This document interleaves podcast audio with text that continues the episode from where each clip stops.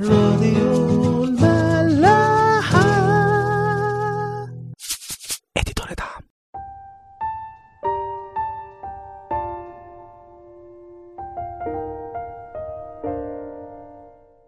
أهلا بيكم في حلقة جديدة من برنامج عيش وملح.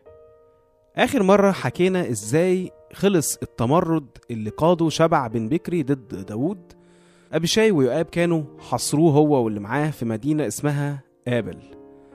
وكانوا على وشك اقتحامها لولا إن جت ست حكيمة من جوه المدينة دي وطلبت إنها تشوف يؤاب وقالت له أنت كده هتهلك مدينة بحالها؟ ملاش ذنب. فلا لا حاشا إني أكون عايز أعمل حاجة زي كده. هو كل الموضوع إن في واحد اسمه شبع بن بكري قاد تمرد على داوود وإحنا عايزينكم بس تسلموه لينا وإحنا هنمشي. فوافقته على الكلام ده وقالت له إنه راسه هتترملكوا من فوق السور. وفعلا أقنعت شعب المدينة بالموضوع ده وقتلوا شبع من بكري ورموا راسه ليؤاب فضرب يؤاب بالبوق وأنهى الحرب وخلصت مدينة آبل بسبب حكمة الست دي. بعد كده في آخر الإصحاح بيذكر لنا زي التشكيل الوزاري الجديد بتاع داوود من بعد الحرب. ولو انها حاجة غالبا ممكن نقراها ونفوتها من غير ما ناخد بالنا بس لو ركزنا فيها شوية برضه هنلاقي حاجات ممكن تفيدنا. التشكيل ده كان اتذكر قبل كده في الإصحاح الثامن فلما بنقارن بينهم بقى بنبتدي نفهم حاجات معينة. هنلاقي إن كان في ثلاث فروقات ما بين التشكيل الوزاري اللي كان عامله داوود في الأول واللي عمله بعد الحرب مع أبشالوم. أول حاجة إنه غير الكاتب بتاعه. دي حاجة ما نعرفش السبب بتاعها فمش هتهمنا قوي دلوقتي. تاني حاجة إنه أضاف زي وزارة جديدة اسمها الجزية. وعين عليها واحد اسمه ادورام الجزية دي حاجة عاملة زي الضرايب كده كانت بتتحط على ناس معينة وغالبا من الكنعانيين أو أي شعوب كانت ساكنة في أرض إسرائيل بس مش إسرائيليين. ولما أي حد فيهم مش بيقدر يدفع يقوم يجبر على عمل أعمال معينة في مقابل الجزية دي. فأدورام ده كان مسؤول عن الموضوع ده. جمع الجزية أو لو ما فيش فلوس تبقى الأشغال الشاقة في مقابل الجزية دي. يعني يدفع الحبس. المشكلة بقى في الموضوع ده غير إنه عمل نوع من التفرقة ما بين الناس. إنه كمان بعد كده هيبتدي يدخل على الإسرائيليين نفسهم. مش عارفين إمتى وإزاي بالظبط بس غالبا ده هيكون سبب الخلاف ما بين شعب إسرائيل ورحبعام ابن سليمان. والخلاف ده هيتسبب إن المملكة تتقسم وعشر أسباط هيسيبوا حكم بيت داوود وهيفضل مع بيت داوود يهوذا بس. وأدورام اللي كان مسؤول عن الجزية ده الشعب هيرجمه بسبب الافتراء بتاعه عليهم. فشوفوا إزاي حاجة صغيرة أو إدارية كانت ممكن تعدي علينا عادي يعني هتأثر على مملكة بحالها. يمكن ده اللي كان كل الشعوب بتعمله في الوقت ده بس بنشوف أهو أكتر كل يوم إن أي حاجة في حياتنا سواء ليها علاقة مباشرة بربنا أو ملهاش لازم نعملها بإرشاد من روح القدس عشان ما تكونش مدخل للشيطان بأي شكل. التغيير الثالث بقى اللي عمله داود هنلاحظ إنه غير الكاهن الخاص بتاعه.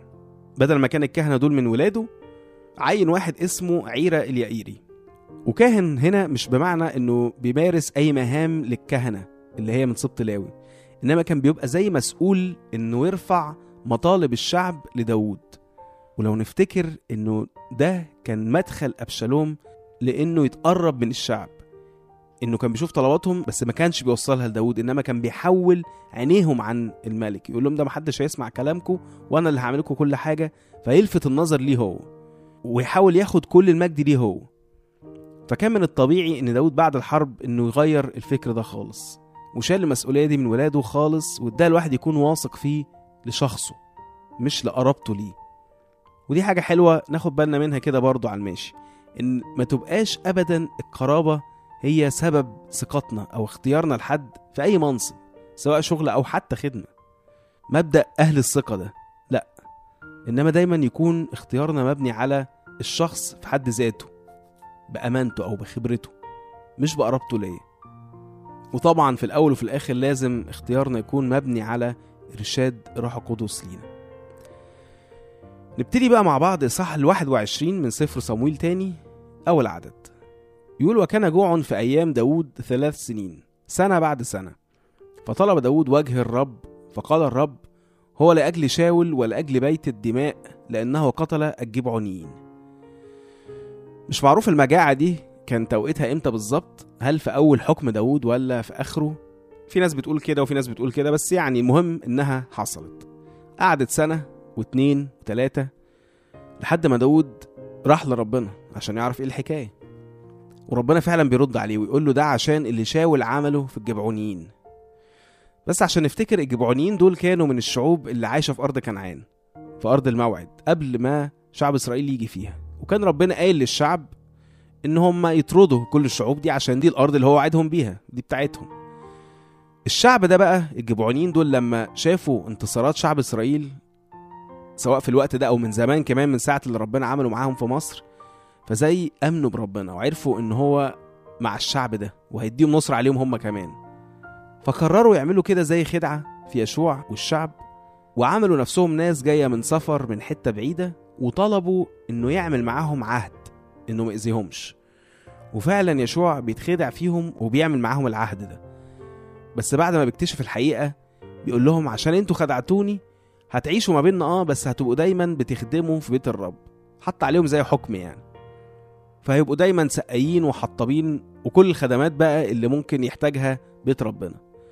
بتمر الأيام بقى وشاول بيعمل حاجة ضد العهد ده وبيقتل منهم ناس كتير قوي.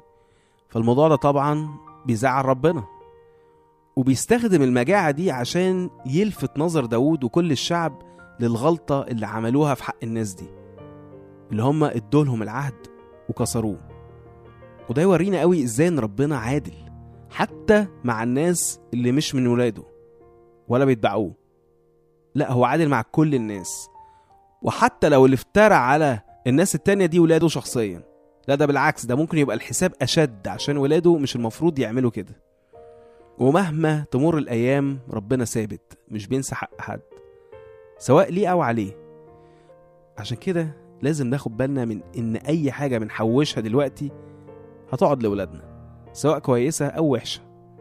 بس ده مش معناه إن هم هيشيلوا أي ذنوب لأهاليهم أو برضه هيخلصوا بسبب صلاح أهاليهم وإلا كان كل اليهود خلصوا ببر إبراهيم. فلا دي حاجة تانية. حزقيال 18 كله ربنا بيكلم فيه شعب إسرائيل عن الموضوع ده. هو كله حلو جدا بس أنا هقرأ لكم حتة كده أعداد 19 ل 22 يقولوا أنتم تقولون لماذا لا يحمل الإبن من إثم الأب؟ أما الإبن فقد فعل حقا وعدلا. حفظ جميع فرائضي وعمل بها في حياة يحيى. النفس التي تخطئ هي تموت. الابن لا يحمل من إثم الأب والأب لا يحمل من إثم الابن. بر البار عليه يكون وشر الشرير عليه يكون. فإذا رجع الشرير عن جميع خطاياه التي فعلها وحفظ كل فرائضي وفعل حقا وعدلا فحياة يحيى لا يموت. كل معاصيه التي فعلها لا تذكر عليه. في بره الذي عمل يحيى. هو كان دايما في المشكلة دي إن أي مشكلة يخش فيها شعب إسرائيل يرموها على أهاليهم إن هم السبب فيها.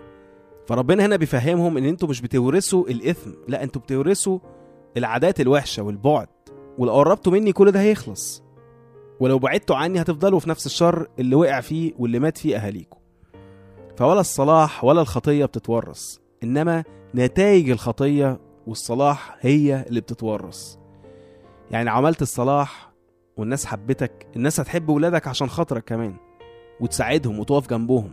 والعكس لو سرقت حد مثلا أكيد الفلوس دي هتتاخد من عيالك. ولو قتلت أكيد هينتقم من ولادك. وده فعلا اللي حصل بعد كده.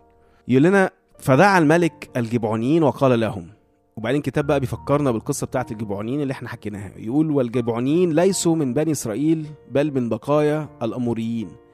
وقد حلف لهم بنو إسرائيل وطلب شاول أن يقتلهم لأجل غيرته على بني إسرائيل ويهوذا قال داود للجبعونيين ماذا أفعل لكم؟ وبماذا أكفر فتباركوا نصيب الرب؟ فقال له الجبعونيين ليس لنا فضة ولا ذهب عند شاول ولا عند بيته وليس لنا أن نميت أحدا في إسرائيل. فقال مهما قلتم أفعله لكم. فقالوا للملك الرجل الذي أفنانا والذي تآمر علينا ليبيدنا لكي لا نقيم في كل تخوم إسرائيل فلنعطى سبعة رجال من بنيه فنصلبهم للرب في جبعة شاول مختار الرب. فقال الملك أنا أعطي. وأشفق الملك على ما في بوشث ابن يوناثان ابن شاول من أجل يمين الرب التي بينهما بين داود ويوناثان بن شاول. يعني داود بيوافق على الطلب بتاعهم بس لما بيجي يختار السبعة اللي هيتصلبوا من بيت شاول بيشفق على مفيبوشث. لأن زي ما قلنا كذا مرة قبل كده إن هو كان ابن يوناثان وهو ويوناثان كانوا أصحاب جدا فكان هو عامل خاطر ليوناثان. فعمل إيه بقى؟ فأخذ الملك ابني رصفة ابنة أية الذين ولدتهما لشاول. واحد اسمه أرموني واحد تاني اسمه مفيبوشث بس مختلف. وبني ميكال ابنة شاول الخمسة الذين ولدتهم لعدرئيل ابن برزلاي المحولي. برضو لو نفتكر ميكال بسبب احتكارها لداود وقت ما رقص قدام تابوت العهد ربنا منع عنها الحمل. امال جولها منين الخمس عيال دول؟ ميكال كان عندها أخت اسمها مايرب ومايرب دي حتى لو نفتكر كان داود المفروض هيتجوزها كان شاول وعده بيها وبعدين بدون مقدمات كده راح واخدها مديها لواحد اسمه عدرائيل المحولي. مايرب بقى خلفت خمس عيال وبعدين ماتت. فميكال خدت الخمس عيال دول تربيهم وبقوا باسمها. فكده داود خد ولدين بتوع رصفة أرموني ومفيبوشث والخمس عيال اللي ميكال أخدتهم من مايرب أختها. وسلمهم إلى يد الجبعونيين فصلبوهم على الجبل أمام الرب.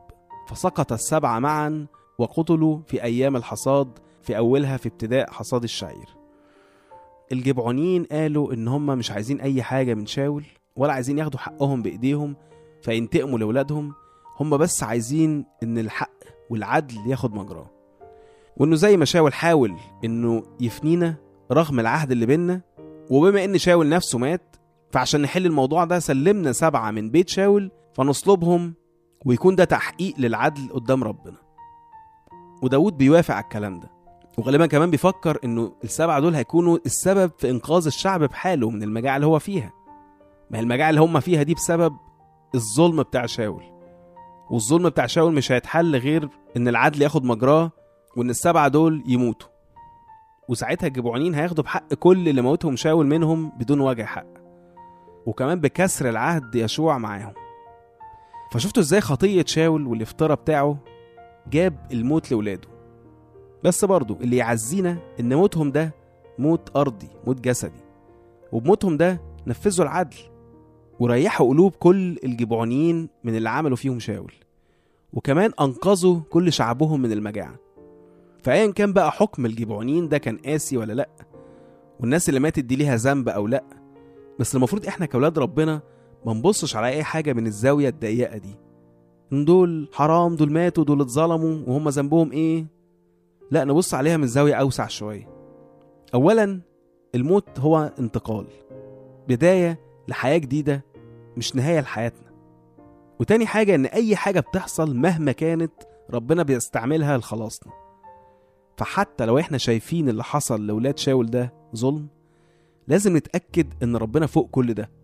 وهيستعمل الظلم أو القسوة أو الذنب اللي شالوه أيا كان بقى هيستعمل كل ده إن يكون لخلاصهم في الآخر. عشان كده لازم دايما نبص على كل حاجة مش من زاويتنا إحنا من زاوية ربنا مش من زاوية إن العالم ده هو حياتنا. فأي عذاب أو تعب فيه يبقى خسارة. وإن الموت نهاية كل شيء لأ إنما من زاوية الخلاص والأبدية وإن الحياة دي مجرد مدخل للأبدية دي. وأي حاجة بتحصل ربنا هيستعملها لخلاصنا. ولحياتنا معاه في الأبدية.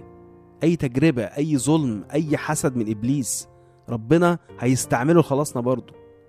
وقصص كتيرة قوي بنشوف فيها الموضوع ده. قصة يوسف إزاي اتظلم وربنا استعمل الظلم ده إنه يخليه تاني واحد في مصر. وأيوب الشيطان حسده وربنا سمح إنه يضربه ضربات كتيرة جدا بس عشان يطلع منه حتة البر الذاتي والكبرياء اللي هو كان فيه. وبعد ما اتعلم الدرس ربنا كرمه أكتر بكتير من اللي هو كان عنده كمان. وداود نفسه لما بنشوف حياته كلها والتأديبات اللي حصلت له من بعد الخطية ممكن نتخض أو نقول إيه ده كل ده عشان خاطر الخطية؟ طب ليه ربنا ما سامحوش؟ الكلام ده كله ربنا يستعمله لخلاص داود وإن هو يطهره من أي خطية جواه. فربنا هو ضابط الكل ومفيش أي حاجة بتحصل بتخرج من تحت إيده. هي الفكرة إحنا فين من ربنا؟ لو إحنا بنحبه وعايزينه أي حاجة هتكون لخلاصنا. ومعظمنا يعرف الآية المعروفة في رومية 8 28 بولس يقول كده ونحن نعلم أن كل الأشياء تعمل معا للخير للذين يحبون الله الذين هم مدعوون حسب قصده. كل حاجة بتحصل مهما كانت هتكون للخير لخيرنا. كل اللي علينا بس إننا نحب ربنا ونثق في وعوده لينا. نكمل الحلقة الجاية. راديو ملاح.